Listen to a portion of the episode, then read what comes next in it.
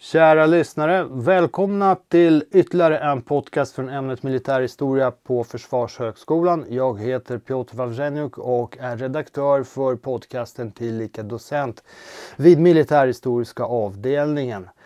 Min gäst, vår gäst idag är Naman Haptom som är doktorand vid University of Cambridge som specialiserar sig på Sverige och Jugoslavienkrigen. Och ämnet för dagens samtal är svenska frivilliga i Jugoslavienkrigen som i stora delar utspelar sig på 90-talet. Naman, kan du innan vi inleder egentliga samtalet bara teckna en bild av Jugoslavienkrigen för lyssnarna? Absolut. Så efter kalla krigets slut så började olika stater upplösa i Östeuropa. I vissa fall var det ganska fredligt, så Tjeckoslovakien till exempel. I andra, fel, andra fall var det kanske lite mer uh, blodigt, till exempel Sovjetunionen där det fanns konflikt i Kaukasien, fast inte i Östeuropa. Fast uh, den blodigaste var såklart i fornjugoslavien. Efter andra världskriget så kom ju Marshal Tito fram till makten. Han lyckades uh, behålla Jugoslavien som en enad stat fast under en ganska hård hand kan man säga. han lyckades hålla spänningen under ytan. Fast efter hans död 1980 så började det komma lite fram till ytan. Uh, fast det var verkligen sommaren 1991 då saken kom, började sprängas kan man säga. Först fanns det krig i Kroatien och Slovenien. Eh, uh, så, eh, ju, början av juni 1991. Uh, I Sloveniens fall var det ganska kort krig, bara några dagar. Fast i, i Kroatiens fall var det lite längre. Det fanns krig från och med sommaren 1991 fram till januari 1992. Fanns, då fanns det en vapenvila. Fast egentligen kriget fortsatte fram till 1995. Sedan fanns det i Bosnien såklart, uh, började i april 1992 hela vägen till uh, slutet av 1995. Och sen fanns det krig också i Kosovo. Uh, som, konflikt i Kosovo började 1998 fast sen fanns det NATOs ingripande i 1999. Där var det konflikt mellan Kosovoalbaner och um, serbdominerade förbundsrepubliken Jugoslavien. Och så fanns det också senare krig i uh, Nordmakedonien, det vi idag kallar Nordmakedonien. Fast i olika fall fanns det olika anledningar. Fast i allmänt kan man säga att det var som en etnisk politisk konflikt där kommunismen ersattes av nationalism på olika former. Hur många svenskar, om vi pratar om svenska frivilliga, deltog i Jugoslavienkrigen allt som allt? Omkring mellan 50 och 100 som, som är svenska. Det fanns några andra som var kanske med jugoslavisk härkomst eller jugoslavisk medborgarskap som kanske bott i Sverige. Fast när det gäller svenska medborgare, ja, skulle jag säga mellan 50 och 100. Fast det är väldigt svårt att veta för de flesta reagerar ganska hemligt. Um, det fanns ju oro då att man kanske efterföljelseproblem. Uh, många hade använt pseudonym. Uh, så det är väldigt svårt att veta då om det är olika svenskar vi talar om. Bara ge en liten exempel fanns det en person som heter Göran från Skåne som intervjuades av en tidningsartikel um, som, jag tror 1993. Och då är han 25 år gammal, kämpar med bosnienkroatiska styrkor. För sen finns det en annan Göran som också är från Skåne som uh, intervjuas i, på en tv-program då 1995 som är 27 år gammal. Så det här är möjligtvis samma person fast de har också olika uh, attityder när det gäller konflikten. En är lite mer eh, uh, ångersam, den ena är mycket mer positiv. Så det här visar vissa problem som det gäller när det gäller forskningsaspekterna. Att, ja, hur många svenskar, hur länge och så vidare. Fast ganska, ganska konfident säga mindre än 100 fast kanske åtminstone 50. Varför reste de till Balkan? Vad var det som motiverade dem? Så det fanns olika anledningar. Jag tror varje, varje frivillig hade sin egen berättelse fast i stora särdrag ska man säga att eh, för många var det äventyr. Att uh, de kanske hade tråkiga liv eller de kanske kände att de hade tråkiga liv. Många hade kanske växt upp med att läsa krishistoria, krisberättelser, kanske kolla på actionfilmer. Verkligen uh, starkt intryck på det. Många hade kanske velat uh, gå in i franska främ främmande legionen tidigare eller sökt en militärkarriär i Sverige även. Fast då hade de olika, för olika anledningar olika problem med det. Till exempel att de inte hade gymnasieutbildning i vissa fall eller i andra fall kanske de inte var särskilt uh, begåvade när det gäller officersutbildning. Uh, fast ja, de sökte efter äventyr, så det tror jag är den största anledningen. Fast det är väldigt sällan det fanns en enda anledning. Så för vissa var ju arbetslöshet en stor motivering. Nu, jag vill påpeka att många uh, tidningsartiklar då beskrev de här svenska frivilliga som legosoldater. Ofta de beskrev sig själva som legosoldater fast det är lite svårt att säga det för att Ja, det stämmer att de blev betalda att kämpa i en uh, utländsk uh, militärstyrka fast de blev betalt oerhört lite. Alltså vi tar kanske kring 1000 kronor per månad. Uh, alltså kanske 30 50 dollar eller någonting sånt. Mm, för ofta blev de betalda i Deutschmark, alltså väldigt små summor. Att, uh, ofta skulle pengarna inte ens räcka för att tillbaka, resa tillbaka till Sverige. Så, samtidigt arbetslösheten betyder att de var mer fria rörelser. röra sig. Att, uh, till exempel en frivillig sa att om jag hade en flickvän och, en, och ett jobb skulle jag inte resa ner troligtvis. Så det fanns en slags rörlighet som kom med arbetslösheten. För vissa handlade det om ideologi. Eh, uh, särskilt när det gäller de som stred för bosnienkroatiska styrkor. Kanske de som känner till lite om Balkans historia under andra världskriget så var ju Kroatien, den självständiga staten Kroatien, en marionettstat under Nazityskland. Och vi som var attraherade av högerextremism då blev indragen mot kroatiska styrkor. Inte alla såklart, fast det fanns en märkvärdig karaktär kan man säga bland uh, pro-kroatiska styrkorna.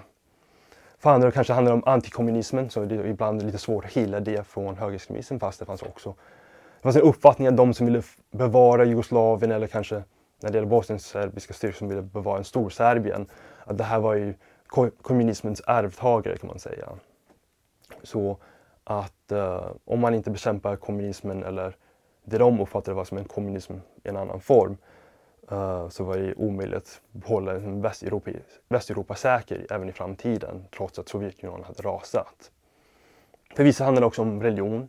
Eh, de som stred för eh, uh, Bosnien, bosnisk uh, styrkor, alltså den regeringsstyrkor det vill säga, uh, som var ju då så kallade mujahedin. Uh, många var uh, redan religiösa innan de kom dit, kanske vissa var i Afghanistan, Um, inte särskilt många europeiska muslimer. Det var, alltså, när jag säger europeiska muslimer menar jag alltså albaner eller turkar eller någonting sånt. Flera av de svenskarna som hade kanske arv, uh, eh, härkomst från till exempel Algeriet eller någonting sånt. Eller hade blivit mycket mer radikaliserade i Sverige innan konflikterna. Och sen för vissa handlade det bara om uh, en viss känsla om rättfärdig krig. Att uh, på ena sidan finns en stark militär, alltså antingen uh, jugoslaviska folkarmén, det som fanns kvar av Jugoslavien, eller eh, bosnienserbiska styrkor. Och tanken var ju då att vi vill ju kämpa för de svaga. Och vem är de svaga? Det beror på olika tider fast för det mesta var det bosnienkroaterna eh, eller Kroat, Kroatien själv. Och senare var det kosovoalbanerna. Så tanken är att ja, vi vill hjälpa, som man säger på engelska, help the underdogs kan man säga. Så vanligtvis var det en kombination av olika uh, uh, motiv. Det var väldigt sällan att det var bara en enda anledning. I vissa var det kanske mer om äventyr, för andra mer om uh, ideologi fast i allmänt fast en blandning. Um, Sverige som ett land som har haft ganska lång, varit i fred ganska lång tid, sedan 1814, så det är väldigt svårt att då kunna uppleva strid uh, genom den svenska militären. Så det här var som en annan väg till samma ändamål. Och det fanns ju ett försök bland svenska frivilliga till att gruppera sig, till att samla sig, skapa en svensk grupp där de kunde strida tillsammans. Kan du berätta lite mer om det? Ja, det stämmer. Så det fanns två försök, fast bara ena lyckades. Eh, den som lyckades hette Pluton Viking och eh, uh, bildades av en man som heter Ulf Nilsson. Han hade själv rest ner till uh, Bosnien sommaren 1992 och han var där för ett par månader och sen kom tillbaka till Sverige. Efter hans återvandring så fanns det ganska mycket uppmärksamhet bland tidningar när han talade om varför han krigar och så vidare. Därefter fanns det ganska många svenskar som var intresserade av det här och då började kontakta honom och han började då bilda den här så kallade Pluton Viking. Och tillsammans med uh, omkring 15 andra svenskar, uh, de flesta från Västra Götaland, från Göteborgsområdet i allmänt, uh, så reste, ner tillsammans, reser de tillsammans ner till Kroatien i januari 1993. Många av de här hade ju tidigare gjort, varit värnpliktiga fast de flesta hade ingen tidigare militärerfarenhet. Alltså det fanns vissa undantag fast för de första, var det första gången de var i, i krig. Bara ge en liten exempel. Eh, Johanna Hildebrandt, den tidigare krigskorrespondent, har ju skrivit en bok som heter Blackout där hon nämner att hon träffades många av de här eh, frivilliga. Och i, viss, I en fall hade hon talat med vissa och frågade har ni någonsin sett en död kropp tidigare? Bara en enda hade sagt ja, och det där fallet var i, eh, i en bilolycka. Fast i andra fall så fanns det vissa med tidigare erfarenhet en, en kille som heter Roger Risberg. Han hade tidigare varit i franska främ, främlingslegionen för ett par år han hade också tidigare stridit i Kroatien uh, i, i, deras självständighetskrig innan han reste senare till Bosnien. Det här var en märkvärdig för att uh, jämfört med andra utlänningar så var det ganska mer ideologiskt drivande faktorer bakom. Ja. Alltså, officiellt så var det bara bilder för olika svenskar som ville resa tillsammans fast som ofta händer en person bjuder sin vän och så vidare så det är liksom en nätverksbaserad grupp. Och eh, det fanns ganska stark högerpolitisk eh, motivering bland eh, vissa. Det var också en orsak till att den kollapsade ganska snabbt också. Att vissa var inte nöjda med det och de bara drog efter ett par dagar. Vissa lämnade redan i januari, vissa efter ett par veckor i Bosnien och så vidare. Som sagt, de kom i januari i Kroatien. Eh, fast det var inte fram till början av mars som de faktiskt gick in till Bosnien. Och det var där att eh, runt Tomislavgrav-området, det vill säga västra Bosnien, är kroatiskt eh, dominerade område.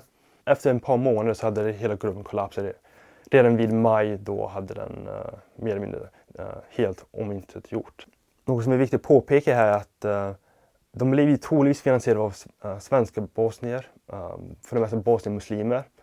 Och de reste ner dit när det fanns mer eller mindre två uh, sidor till kriget. Det fanns bosnienserber på ena sidan och sen mer eller mindre alla andra på andra, det vill säga bosnienmuslimer och bosnienkroater. Fast de kom ju samtidigt när det kroatisk-muslimska eh, kriget bröt ut. Och de flesta valde att strida för den bosnienkroatiska sidan. Så det var som en liten dålig investering kan man säga för deras uh, sponsrar. Bland de svenskar där som gick dit så hade många påstått att de var tidigare jägare.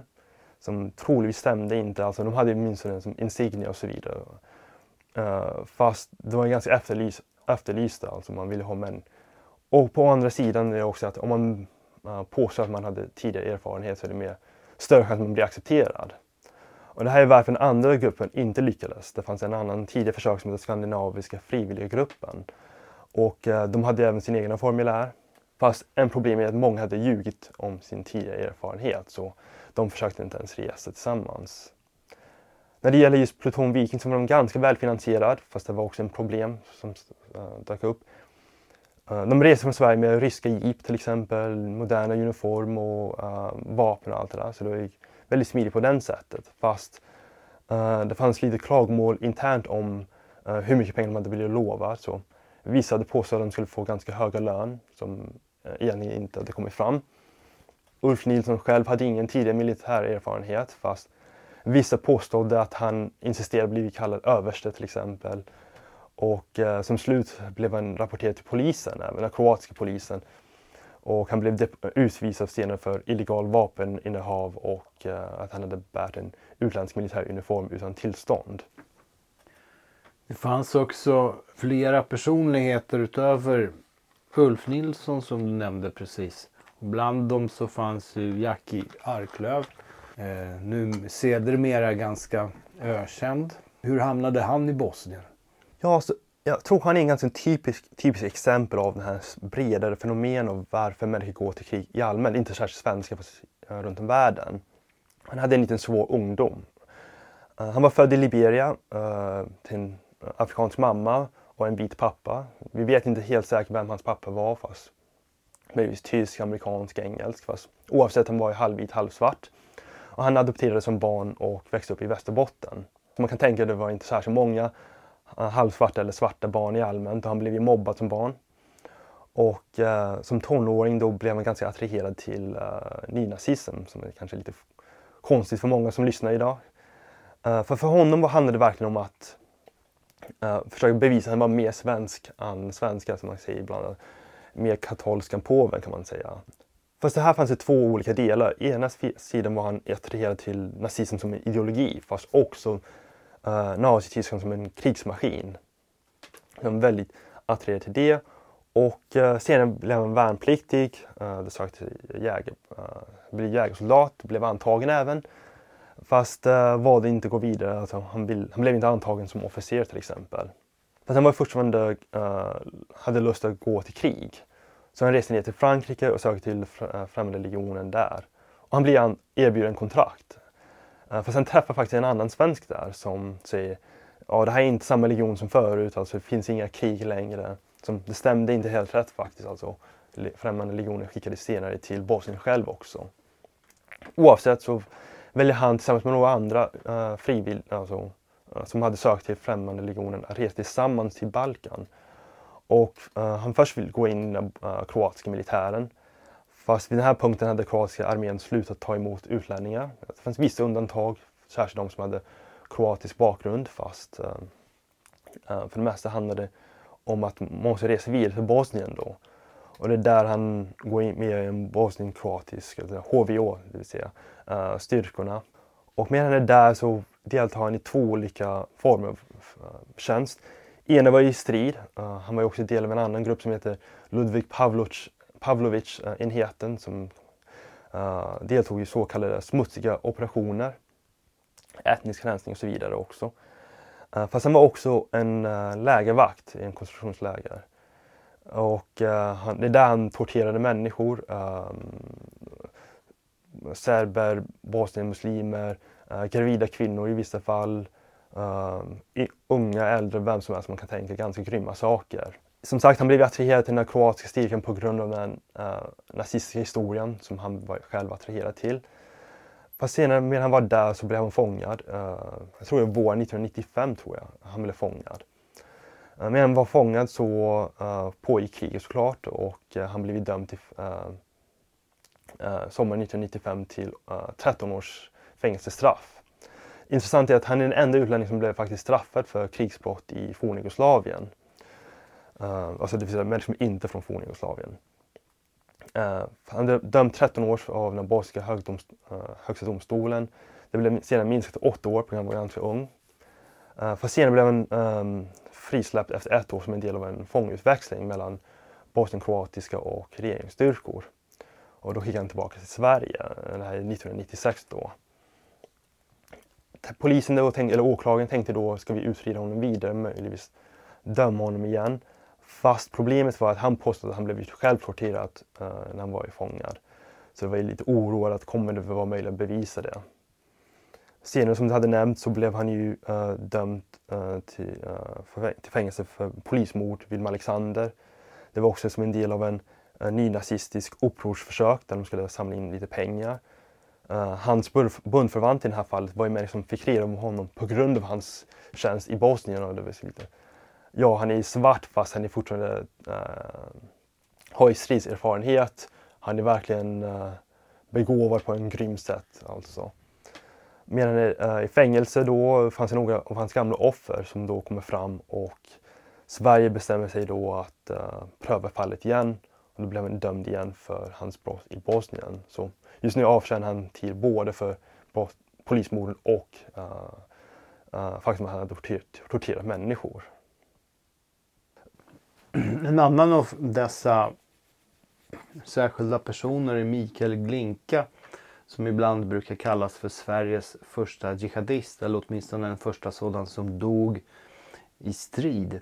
Kan du berätta lite mer om honom? Om också faktiskt om inslaget av tillresta muslimer. Du var lite grann inne på det. En, dessa Mujahedin förband.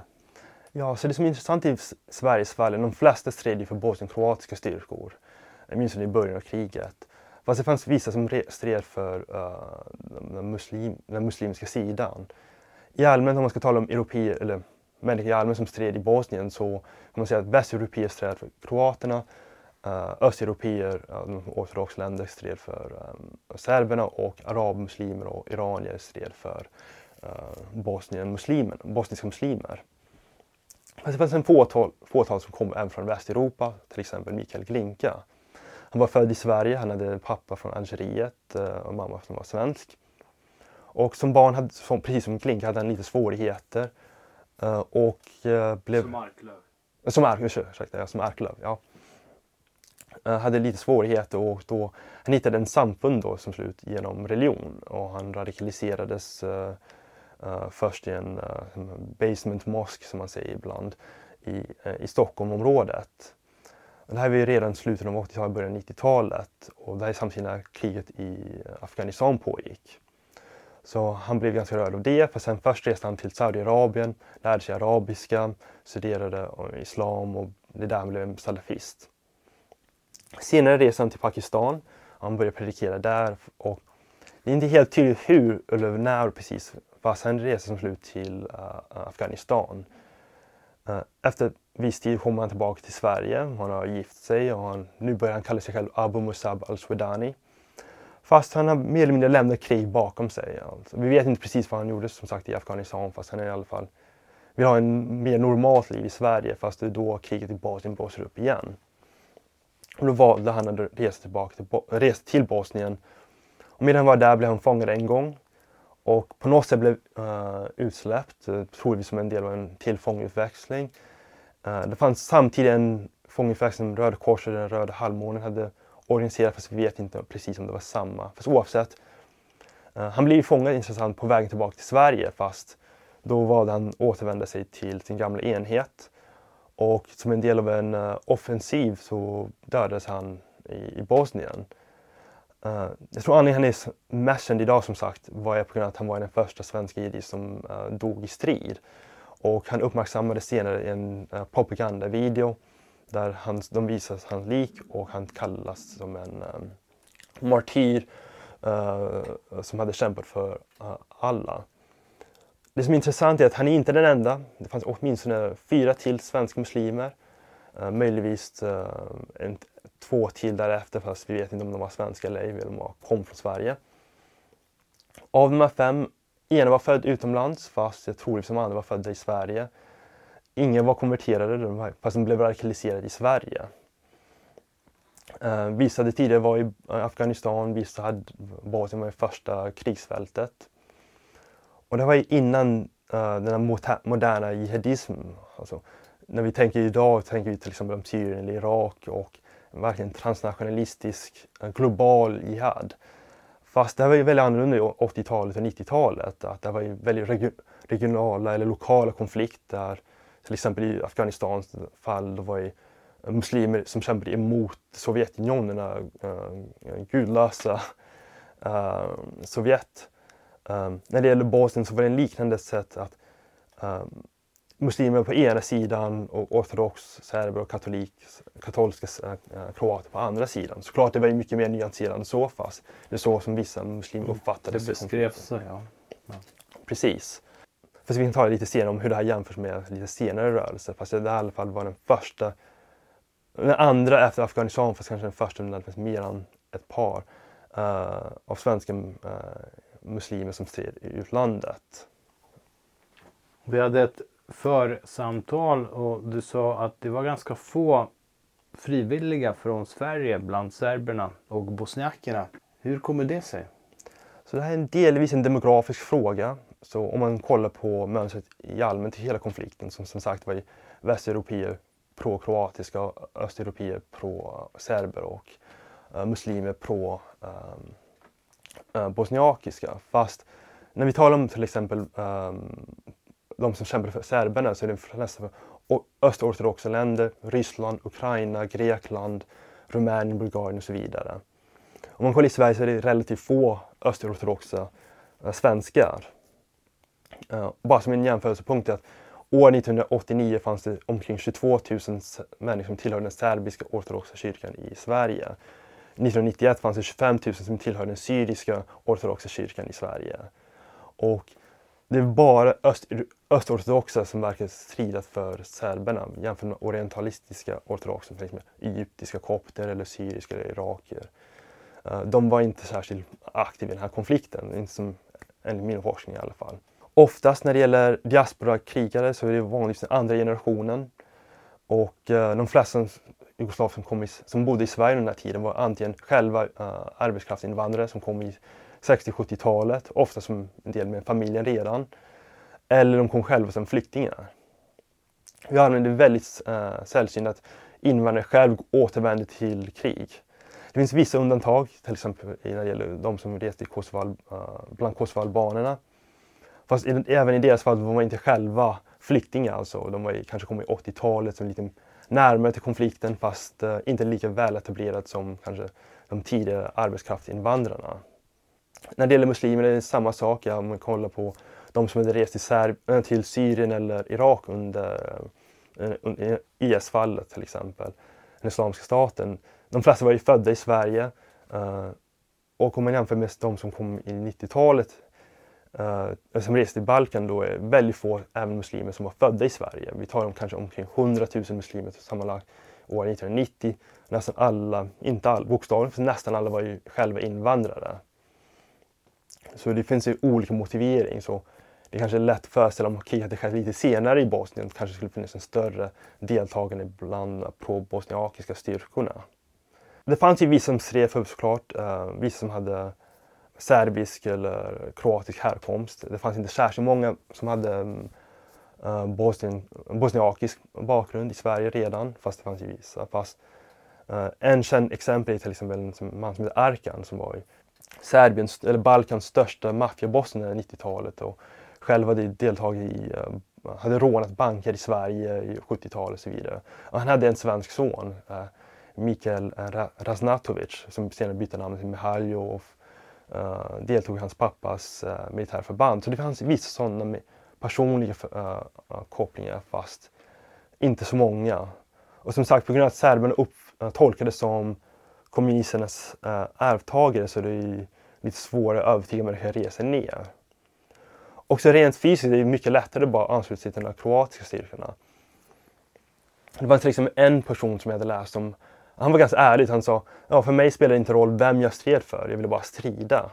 Och det är mycket lättare att resa till Kroatien än där krig äh, resa till äh, muslimska områden i Bosnien. Delvis på grund av att de var helt omringade av kroater. Precis, ja. Om man ville resa liksom till Sarajevo var det väldigt svårt att flyga in även. Så, och såklart, det var inte verkligen möjligt. De flesta åkte med buss eller någonting sånt. Så, ja, så rent praktiskt var det ganska utesluten som möjlighet för många. Sen intolkar du med Kroatien, det moderna Kroatien, någon form av högerextremism som de projicerade utifrån andra världskrigets händelser? Jag tror det stämmer för alla. Alltså, om man tar den här uh, svenska Mujahedin till exempel. Att, uh, bosniska muslimer är kanske lika sekulära som svenska kristna till exempel. Alltså, det är kanske, religion för, oft, för det mesta var ju bara en kultur. Det var inte uh, en stor del av livet. Alltså. Så man, det var lite ironiskt, man hade svenska muslimer som kämpade för en islamsk uh, regimskifte kan man säga, som, in, som lokala inte ville ha. Det fanns ju en mängd risker. Det finns väl fortfarande en mängd risker med att uh, delta. Vilka risker löpte just de här personerna utöver juridiska risker att komma hem till Sverige och åtalas? Absolut. För brott eller bara för att man varit eh, deltagande? Ja, så det fanns olika. Som sagt, brott var en stor sak. Att, eh, det fanns ju påst påstående att det fanns svenska prickskyttare till exempel som hade betalat sin väg dit. Uh, och hade ehm, um, var som en del som en uh, hemlig skandinavisk sniper unit kan man säga. Och som hade uh, deltagit i Sarajevo och riktat sig mot civila. Så det var en grupp till exempel som eh, det fanns viss uh, nyfikenhet bland polisen. Den största risken var ju såklart att uh, själv dödas i krig, i strid. Um, Mikael Glinga som sagt var en offer. En annan var en kille som hette Lars Murback. Han hade rest ner uh, våren 1993. Uh, eh, han ville själv först gå med i franska främmande legionen fast senare uh, sökte sig till pluton Viking. Fast vid tiden han kom fram till Bosnien så var ju enheten redan upplöst. Så han uh, anslöt sig till en lokal enhet.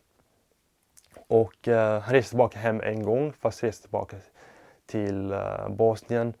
Och eh, troligtvis mördades då i Mostar eh, i en, uh, en nattklubb, eller utanför en nattklubb. Av en annan eh, eh, uh, uh, frivillig. Det är lite otydligt precis hur, och vart. Alltså en exempel av hur svårt det är att forska själva ämnet är att han försvann då, troligtvis juli 1993. Fast det var inte fram till eh, januari 1996 att hans död verkligen bekräftades av UD till hans mamma. Och själva svenska regeringen fick inte reda fram till sommaren 1995. Det var ju då en brittisk uh, så kallad legosoldat hade själv rapporterat det här till svenska konsulatet i Split. Fast han är inte själv väldigt pålitlig fast eh, han har inte dykt upp själv, när eh, Lars Murback. Andra risk var ju att man blev krisfånge, som sagt Jack Arklöv, fast det fanns två svenska uh, kroater som reste ner redan uh, vår, hösten 1991 och deltog i den första fasen av kriget där som blev fångade av jugoslaviska folkarmén och de blev senare eh, utsläppta som en del av en fångutväxling och uh, deltog i krigen igen. Um, det fanns också risk att man skulle blivit uh, eh, ihjälskjutna av andra, även så kallade allierade. Så till exempel när det gäller Pluton Viking, att uh, april och maj 1993 så blev ju vissa då um, utsatta för brott. Alltså kanske vissa ville råna deras vapen eller lokaler som, in, lokal, äh, som inte tyckte om dem och så vidare. Så det fanns det nästan problem. Juridiskt fanns det två olika problem. Det Ena var om särskilt, när det gäller att bli värvad. Eller, eller säga, att värva andra, som var ju olagligt. Själva kriget var ju som sagt inte olagligt. Fast många ville återvända till Sverige senare och bli äh, militär igen.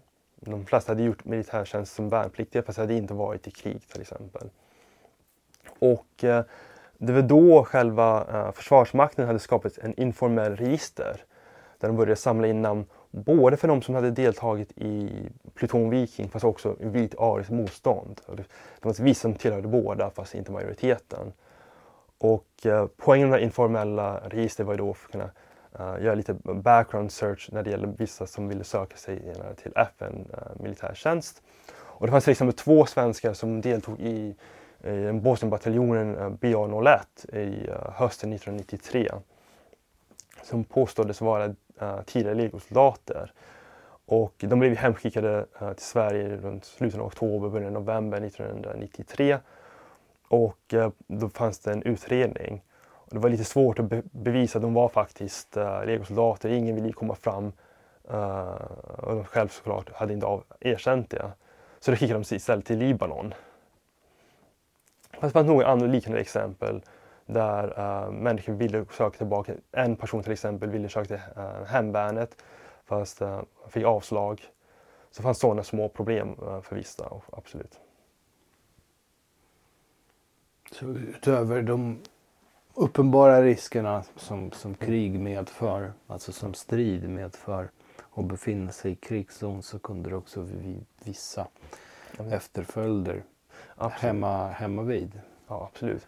En, en stor problem för vissa är att uh, på grund av att de var inte formell militär så det fanns ingen stöd för de som hade uh, PTSD kan man säga. Uh, som till exempel Lars Murback eller andra även. När de reste med, tillbaka hem, ba, reste tillbaka hem så uh, påpekar människor att de har en ny personlighet. Alltså, I Murbacks fall att hans mammas vänner hade sagt att ja, han kommer vara iskall nu eller han, han är inte lika pratsam såklart det finns ingen stöd för människor som hade strid, stridit uh, eh, hemligt på sånt sätt.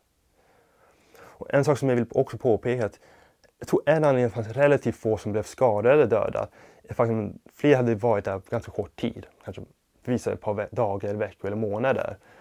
De som hade högst risk var de som återvände flera, flera gånger tillbaka. Murback, Arklöv, Glinka.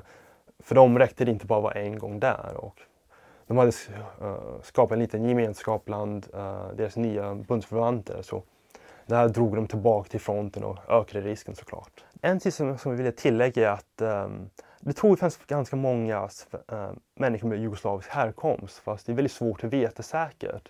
Delvis för att de hade uh, kanske uh, smält in bland de lokala enheterna. Alltså, jag tror lokal, när kroaterna kanske skulle påpeka att det här är en svensk, inte en kroat kanske vi skulle tolka dem som en kroat med svensk medborgarskap. Fast det som är viktigt att komma ihåg är att svensk media var mycket mer intresserad av svensk, etniska svenskar som hade rest ner dit.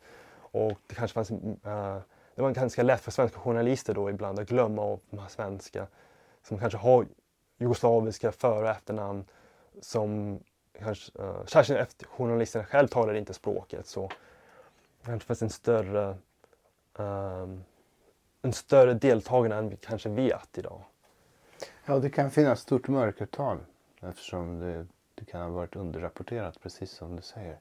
Eh, Naman, tack så mycket för att du tog dig hit. Och jag ska berätta också, vilket jag inte berättade inledningsvis, att Naman var vår gäst. Han satt hos oss på militärhistoriska avdelningen hösten 2022. Ja. Eh, där han gjorde sin svenska del, en stor del av det svenska fältarbetet för, för avhandlingen. Tack så han är välkommen eh, åter. Och inte minst åter för att vi misslyckades med förra inspelningen. Där ligger, där, jag ska nog säga att jag misslyckades, eh, närmare sagt. Så vi fick ta om inspelningen. Och med detta så säger vi tack och adjö och vi tackar er för att ni lyssnade ända hit. Håll utkik, häng upp öronen för nästkommande podcaster från militärhistoria. Tack och adjö.